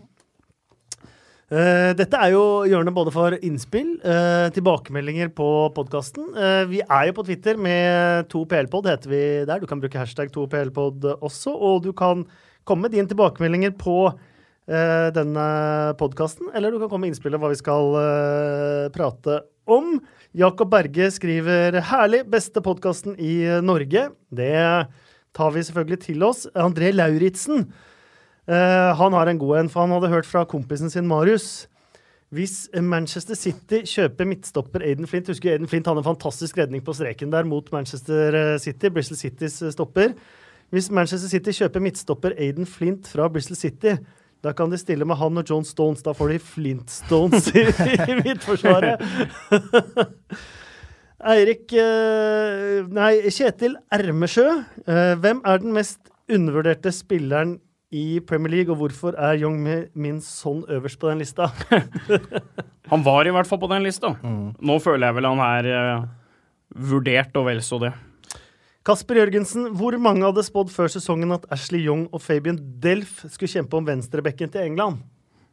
Ja, den er bra. Ja, det er nok ikke mange. Eh, samtidig så tror jeg det er Ryan Bertrand som, som tar den eh, til VM. Har ikke han vært litt sånn Ja, Han starta de siste fem matchene nå i, Ja, i men hvis du ser hva de har vist ja. uh, den men Jeg syns jo Delf nesten ser mest spennende ut av de uh, sånn sett, jeg. Ja, og England bør jo prøve å gjøre noe annet i mesterskap enn de gjør i kvaliker. For i kvaliker så er det jo verdens desidert beste landslag, og så kommer de til mesterskap, og så er det God save the queen og rett Ja, hjem. men med tanke på at vi nettopp vinner inne på undervurderte spillere, så mener jeg at Bertrand er en uh, meget bra venstreback som egentlig har alt du trenger for, som, en, som en offensiv uh, finback. du vet hvor han spilte to sesonger, ble god, før han spilte Champions League-finale med Chelsea. Ja, det er Norwich går ut fra. Det er helt korrekt. Ehm, Morten Nei, Vebjørn Jensvold uh, spør hvem tror dere kommer på andre, tredje og fjerdeplass bak City på tabellen, slik situasjonen er nå. Uh, Chelsea må begynne å se seg litt over skulderen, faktisk. Absolutt. Jeg tror de ryker, jeg. Jeg tror det blir United, Tottenham, Liverpool. Altså, bare hør på de navnene her, da. At ett av de lagene skal Ja. havne utenfor eh, Og Arsenal må vi jo ta med, og de kommer til å havne utafor, De men kommer til å havne utenfor, tror jeg. Så er spørsmålet om eh, Manchester City vinner eh, det er ikke et spørsmål. Champions League. eh, Å ja, Champions League, ja. Champions League, tenker jeg. Ehm, Det gjør de ikke. nei, du har Arsenal i, i Europaligaen, men ehm, Det er jo deres veien. da. Ja. Så Og det, det er vel gjerne Arsenal sitt eneste håp òg. Men å spå hvem som blir to, tre og fire, det er jo egentlig umulig, sånn som det ser ut nå. Cornelius Basse uh, spør Kommer Manchester City inn i en tung periode nå med tanke på at de ikke har The New Invincibles som drivkraft lenger? Eller kanskje kan slå motsatt vei, tenker jeg. Ja, jeg vet ikke. Da måtte de, de måtte jo ha gått Hva var det, 49 uten tap? Var det det Arsenal gikk i sin tid? Det var eh, 49, ja. Før de Røyk på Old Trafford, det. De røyk på Old Trafford. Wayne Rooney skåra vel to, gjorde han ikke det? Jo, Tror. han skåra i hvert fall. Jeg tror det var bursdagen. 24. oktober òg. FN-dagen, hvis jeg ikke husker helt feil. FN har alltid stått veldig sterkt i mitt hjerte. Ja, um... Vi har jo ikke Vi eh, i familien min så har vi jo ikke julestjerne på, um, på juletre. Akkurat. Vi har jo en fredsdue, vi. Ja, det vil jeg Så tro. jeg var i et juleselskap hvor det var en som foreslo at vi egentlig heller burde feire 24. oktober enn 24. desember. um, Even Arni spør hvilke lower league-lag vil dere anbefale å kombinere en Premier League-tur med? Gjerne London-lag, mye å velge i atmosfære, stadion osv. Det folk glemmer litt da, er jo at uh, stort sett så spilles lower league på lørdag klokka 15.00. Mm. Eh, det må man tenke på hvis man har tenkt å kombinere. Eh, samtidig, hvis du har vært på en del turer og sett Premier League-kamper eh, Jeg har jo det at jeg hvert år med et par kompiser når vi har Det har vært landskamppause. Da har jeg hatt en frihelg på høsten, så da har vi dratt og sett Lower League. Eller vi nå som vi har mistet FA Cup-rettighetene til Viasat, så dro vi nå så FA Cup eh, Fleetwood og, og Shrewsbury. Eh, og det anbefales det egentlig for, si, for dere som har vært på Anfield Old Trafford og, og eh, Stamford Bridge og Emirates og sånt noe. Og kanskje neste gang, selv om du holder med en av de laga, uh, dra over og, og se litt, litt nedover, for der er det veldig, veldig mye utrolig bra å se, altså. Og Fleetwood har faktisk jeg vært òg. Du har det? Ja, I søken etter da Jamie Vardys fotspor, Ja. så skulle vi da besøke tre klubber. Det var Halifax, det var Fleetwood, og så var det Stocksbridge Park Ja. Steels. Og der, der var det det var der han spilte med fotlenke. ja, det var, Mm. det, det var eh, Det var bare sauer der. Altså, det, det, var, det var en sånn klassisk sånn eh, eh, britisk landsby. Det var liksom rett inn i en sånn derre Hva heter den NRK-serien som har gått i alle år? Uh, Ute på landsbygda nei, der. skulle tro at Uh, Nei, Nei. Den, nei. Hva heter den derre serien Med hjertet på rette stand? Med hjertet på rette ja. Kasakhstan.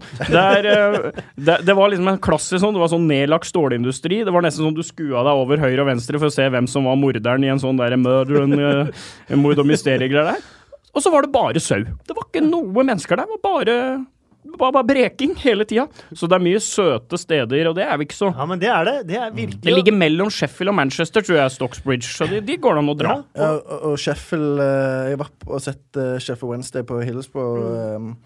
Eh, mot uh, Sheffield United, uh, blant annet. Det var sjukt. Ja, det var sjukt. Og, og Barnsley, han bror som er Sheffield Wednesday-supporter. Men eh, Og der er det trøkk. Og der er det sjel, så det, Og det er jo ikke veldig langt fra Manchester, så å ta en tur til, til Sheffield kan anbefales. Ja, absolutt. Jeg var der første FA Cup-semifinalen etter tragedien mellom Liverpool og Nottingham Forest. Da sto vi faktisk i Leppings Lane. Det var veldig spesielt. Med You'll Never Walk Alone i svingen og blomsterkasting ned på, på målet og sånt noe. Eh, hvis jeg skal anbefale eh, Swindon var jeg på. Der var det veldig bra, men det var lokalderby mot eh, Bristol City, så det var skikkelig kok. Jeg lurer på om det ikke er så kok der hver gang. Cambridge, veldig, veldig bra. Et, en av to klubber i England som har A, B, C, D, E i klubbnavnet. Cambridge United. Oi. Sammen med de, nei, jeg kommer ikke det på det. Det lurer jeg på om er uh, Wickham, Halifax. Wickham? Nei. Wickham, ja. Den, Ah, også med etternavnet. Wanderers. Ja, ikke sant? Ja. Wickham Wanderers, Ja. så har du A, B, C, D, E.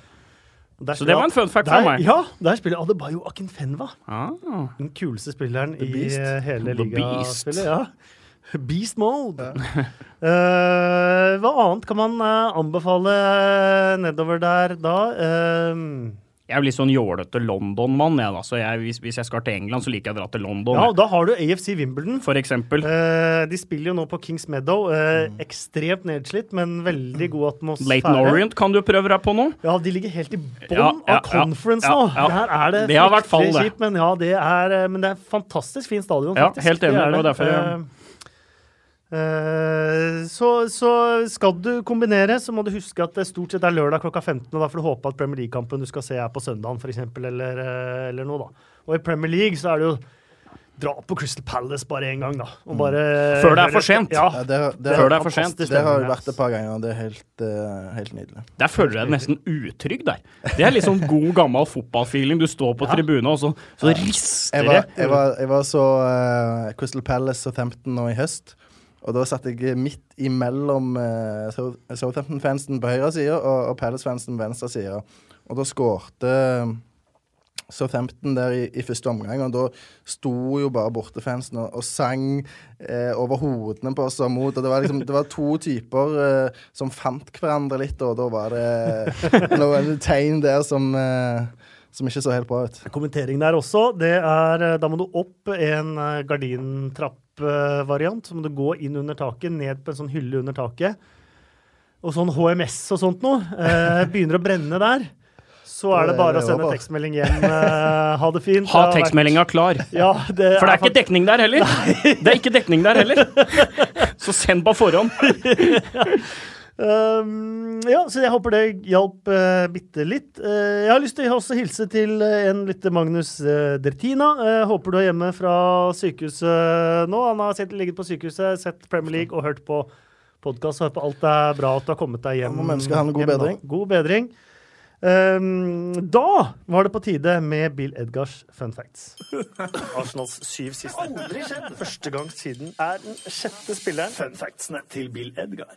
Bill Edgar, eh, statistikkmann i The Times. Eh, hver mandag i bilaget The Game så kommer han med sine betraktninger da, eh, fra runden. Um, og eh, ja, har et par, par fine denne gangen. Det ene har vi jo tatt, faktisk, med Harry Kane, men vi kan jo melde at første gang Dette var ja, eh, Manchester City som tapte 3-4 på Anfield. Første gang Manchester City De vant jo 5-0 hjemme. Så det er første gang Manchester City har skåret fem mot en motstander i en kamp og sluppet inn fire mot samme motstander i samme sesong, siden 6-0 og 3-4 mot Leighton Orient da, i 64-65-sesongen. Eh, 10.836 er det laveste tilskuertallet som har sett Arsenal tape på engelsk jord siden Stoke vant på Victoria Ground i 1985. Da var det 7440 tilskuere. Harry Kane har skåret flere ligamål på de siste 13 månedene, altså 41, enn engelske spillere skåret ligamål totalt for Arsenal mellom 2000 og 2010. det var 39. uh, og for første gang i historien gikk både Chelsea og Real Madrid målløse av banen på hjemmebane på samme dag. Det er ikke verst. Da er det klart for eh, fem kjappe spørsmål. Eh, dere må være raske og konsise, gutter. Kan, Ja. kan begynne, Marius. Ja. Burde Dokoré ha sagt fra om at det var hens da han skåret 2-2-målet? Snakker vi i et uh, norsk tidligere Bundesliga-spillerperspektiv eller et Maradona-perspektiv? Da mener jeg Maradona Nei. Jeg eh, Når han først gjør det Nei. Skal jeg få lov å si en ting? Jeg mener at ett poeng i én kamp, én scoring i én kamp, det er glemt uka etter. Det poenget kommer ikke til å holde Watford i Premier League, antageligvis, eller ikke. Eh, den gleden er kortvarig. Eh, den, det målet er kun et nummer på en statistikk. Hadde han sagt fra til dommeren det var hens, den skåringa skal ikke stå, så hadde han blitt huska i 100 år. Ja. Det er enig. Det er enig. Men se, men se hvis, den derre hvis du vil skape det navnet for deg selv, da. Mm. Ja, ja, Som ja. tidenes Ja. mest uh, det- fair play-fyr. jeg, jeg mener det helt ja, Men det er jo noen Så andre som har vært det. Vi har jo vært innom en som har vært det. nettopp! Vi snakket om det når Arne Larsen Selvfølgelig. liksom. Selvfølgelig. Vi snakker, og det var 5-1-skåring her nå, Ja. som han sa fra ham. Og vi snakker om det og husker det ennå. Ja, jeg, jeg mener det er helt håpløst å gjøre det, men uh, når han først har gjort det, så Ja, ja, han kan, han kan ta det tilbake, men uh, Du agerer jo på instinkt der, og antagelig så bobler det adrenalinet ditt så kolossalt når du ser det går i nettet der, at du tenker nok først på det halvannet minutt etterpå. Da er det for seint. Ja, da er det Men- for seint. Men du hadde blitt husket for Ja da, for alt. Men i denne sammenheng så er jeg for VAR. Gi treneren en challenge der, så får vi vekk dette her. Det, det, å diskutere skåringer som aldri skulle vært skåring, det blir egentlig aldri veldig interessant, fordi det er bare ett svar. Mm. Jeg har muligheten til å fjerne det fra fotballen, så jeg får det. Hvor mange ligakamper kommer Manchester City til å tape denne sesongen? Fire. Um, tre. Overlever Stoke med Paul Lambert som manager? Nei. Nei. Hvilke tre lag fra Championship ønsker dere opp til Premier League? Og nå er det sånn øh, Nå er det drømmescenario. Ja, Drømmescenario. da, jeg vil ha opp Leeds. Jeg vil ha opp uh, Wolverhampton. Det får du. Det får jeg nå i år, så det er øh, bankers. Og så syns jeg Jeg, jeg, jeg syns det hadde vært kult å få Sheffield på PL-kartaen igjen, ja, altså. Det er en skikkelig fotballby. øh, så kan dere Jeg skal bestemme meg hva det er, da. Et lag med et sånt ukedag-etternavn eller eh, United. Finest drakter. Petter Rudi Veres, Jostein Flo Nei, jeg vet ikke helt, jeg. Soltvedt versus Sol- Roger Nilsen. Ja. Nei, men jeg, nei, jeg, jeg, jeg får si Nei, det syns jeg er vanskelig. Eh, men eh, jeg sier ett av de Sheffield-laga. Leeds og Championships Manchester City. Ja, da sier jeg Leeds, Sheffield Wednesday og Aston Villa. Ja, Aston Villa må tilbake. Eh, kommer Zlatan tilbake som Premier League-stjerne?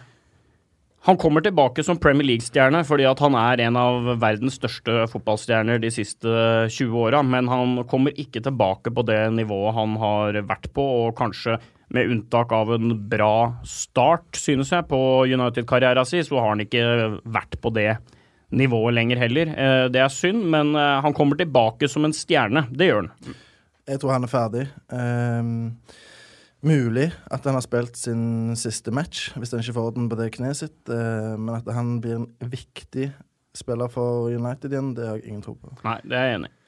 Det eh, får bli eh, de siste ordene. Hvis du likte episoden, så gå inn på iTunes. eh, gi det en stjerne eller fem. Eh, skriv gjerne en kommentar òg, det er hyggelig. Eh, vi er på Twitter, som sagt. To PL-pod heter vi der. Og så må vi ta med et siste eh, Twitter-spørsmål eh, fra Aksel. Eh, hvor ble det av Felix fra moderne media? Hvor ble det av Felix? Jeg er her nå, da. Felix er tilbake. Jeg og Felix kjører lue i studio i dag. Vi kjører mer sånn der Eminem-style her i dag. Og det er Felix som har lagd denne episoden, og han jobber i moderne media, så vi får takke de begge to. Og så må vi takke Marius for at uh, du tok turen hit. Jo, eh, bare hyggelig. Gleder meg til å bli invitert igjen. Nå har jeg hatt eh, to avslag, så jeg sier alltid ja på det tredje. Så neste gang skal det bli på første. Joakim, tusen takk for at du kom. Takk for at jeg fikk lov til å komme. Og neste uke kommer blant andre Brede Hangeland, så det gleder vi oss Det, eh, til. det, det er et steg opp. Nei, det vil jeg si er et steg til siden. Ja, vi holder den der Rogalandskvoten. Ja, Ja, det er viktig. Det er alltid, ja, er alltid noe skarring. Ja, og alt, alltid litt skarring. Og takk for at du uh, hørte på.